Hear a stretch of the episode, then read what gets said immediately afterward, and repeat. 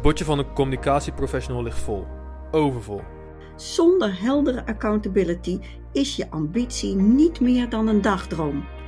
Het strategisch communicatieframe helpt mij om scherpe keuzes te maken. We hebben echt communicatie op het niveau gebracht in de organisatie waar ik vind dat we horen. Welkom bij een nieuwe aflevering van de Grown Zone in communicatievraagstukken. Voor degenen die niet weten wat de Grown Zone is, dat is die irritante fase waar elke communicatieprofessional wel eens mee te maken krijgt. Je zit in het standje doen. Je doet wat nodig is om de communicatie van jouw organisatie zo goed mogelijk in te richten. Maar de oplossingen die je voor de communicatievraagstukken bedenkt, geven je alleen tijdelijk opluchting.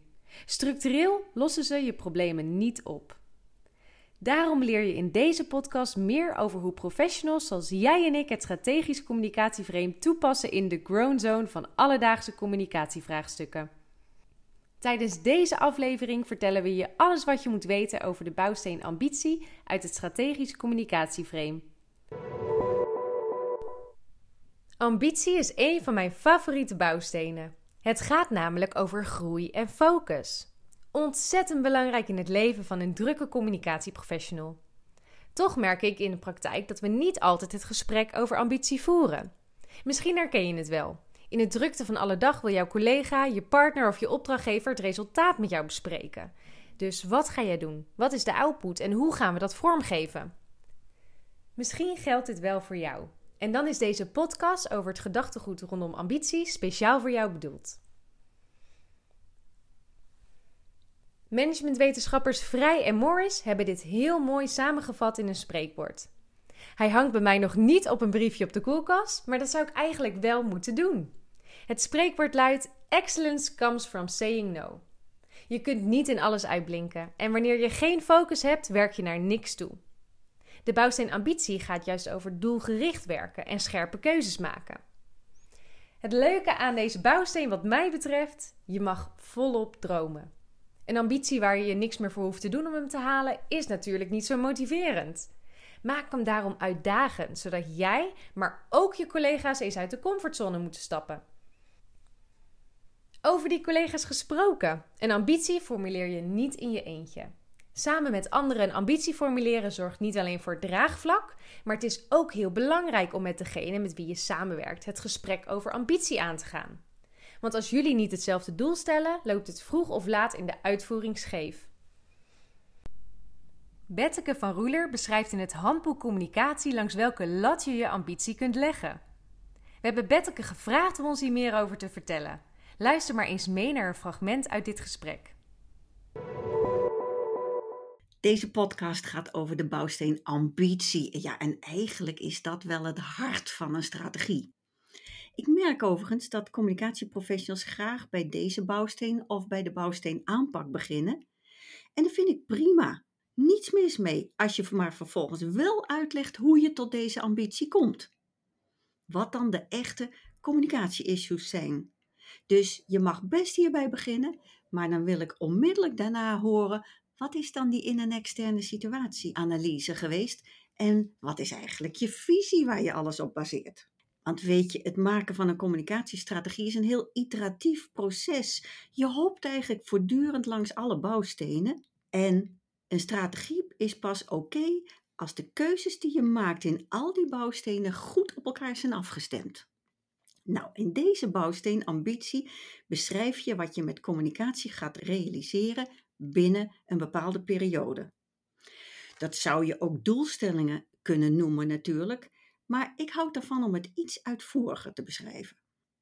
Die I van de SWOT die je hebt gemaakt, of als je hem nog niet hebt gemaakt, heb je hem meestal al wel in je hoofd, want anders kom je helemaal niet tot ambitie.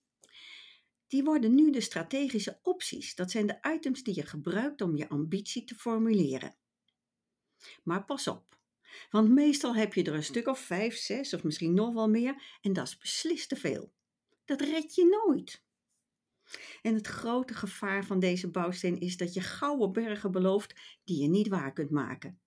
Een ambitie mag hartstikke ambitieus zijn, maar het moet wel realistisch blijven. Je moet het namelijk allemaal wel voor elkaar zien te krijgen.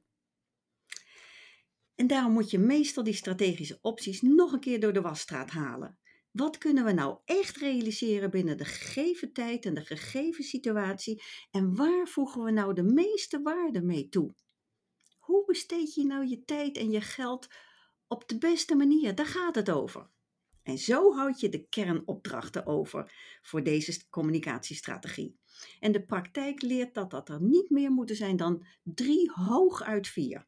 Die kernopdrachten zijn de aanscherping van de algemene opdracht die je kreeg van je opdrachtgever, of die je hem of haar in de mond hebt gelegd. En je zult zien dat die algemene opdracht hierdoor vaak een heel ander karakter krijgt. Dus het is hartstikke belangrijk om je opdrachtgever mee te nemen in die keuzes die je maakt in deze fase van strategieontwikkeling. Doe dat nooit helemaal in je eentje en zet je opdrachtgever niet voor het blok. Maar hiermee ben je er nog niet. Want een kernopdracht, dat is nog niet een heldere beschrijving van wat je voor elkaar wilt krijgen in een bepaalde tijd. Dus je moet er vervolgens doelstellingen van maken.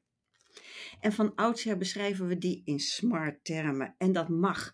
Maar eerlijk gezegd, ik ben een liefhebber van agile werken. En daarin beschrijven ze graag de DOD, de Definition of Done. Wanneer ben je nou klaar? Wanneer ben je tevreden?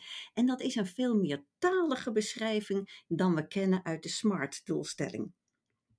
Oefen er maar eens op. Ik vind het zelf veel realistischer en veel enthousiasmerender dan een SMART-doelstelling. Ja, en dan als laatste moet je je realiseren dat er omstandigheden zijn waar jij geen invloed op hebt, maar die wel van invloed zijn op de vraag of je je ambitie voor elkaar krijgt. In agile-termen heet dat je afhankelijkheden. Maar het wordt ook heel vaak succesfactoren of randvoorwaarden genoemd. En vergeet die vooral niet, want anders krijg je zomaar de schuld dat het is mislukt door omstandigheden waar jij niets aan kunt doen. Zo, nu heb je beschreven wat je voor elkaar gaat krijgen met communicatie. Ofwel in smart termen of in definitions of done die detailbeschrijving over wanneer je tevreden bent, wanneer het klaar is en wat de randvoorwaarden zijn waaronder de ambitie gerealiseerd kan worden. Dat is de hart van je strategie. Even een recap. De bouwsteen ambitie gaat dus over waarom doen we wat we doen. Je ambitie is inspirerend en richtinggevend. Het is de doorvertaling van je visie. Je ambitie vormt de kernopdracht in een bepaalde periode of in een bepaalde situatie. En wat je gaat doen om hem waar te maken, en dus je output, vind je in de aanpak. Voordat we afronden, geef ik jullie graag een takeaway mee.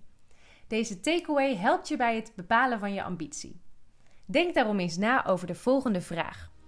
Waar zou jij of zouden jullie als afdeling echt het verschil kunnen maken? Hoe word jij onmisbaar?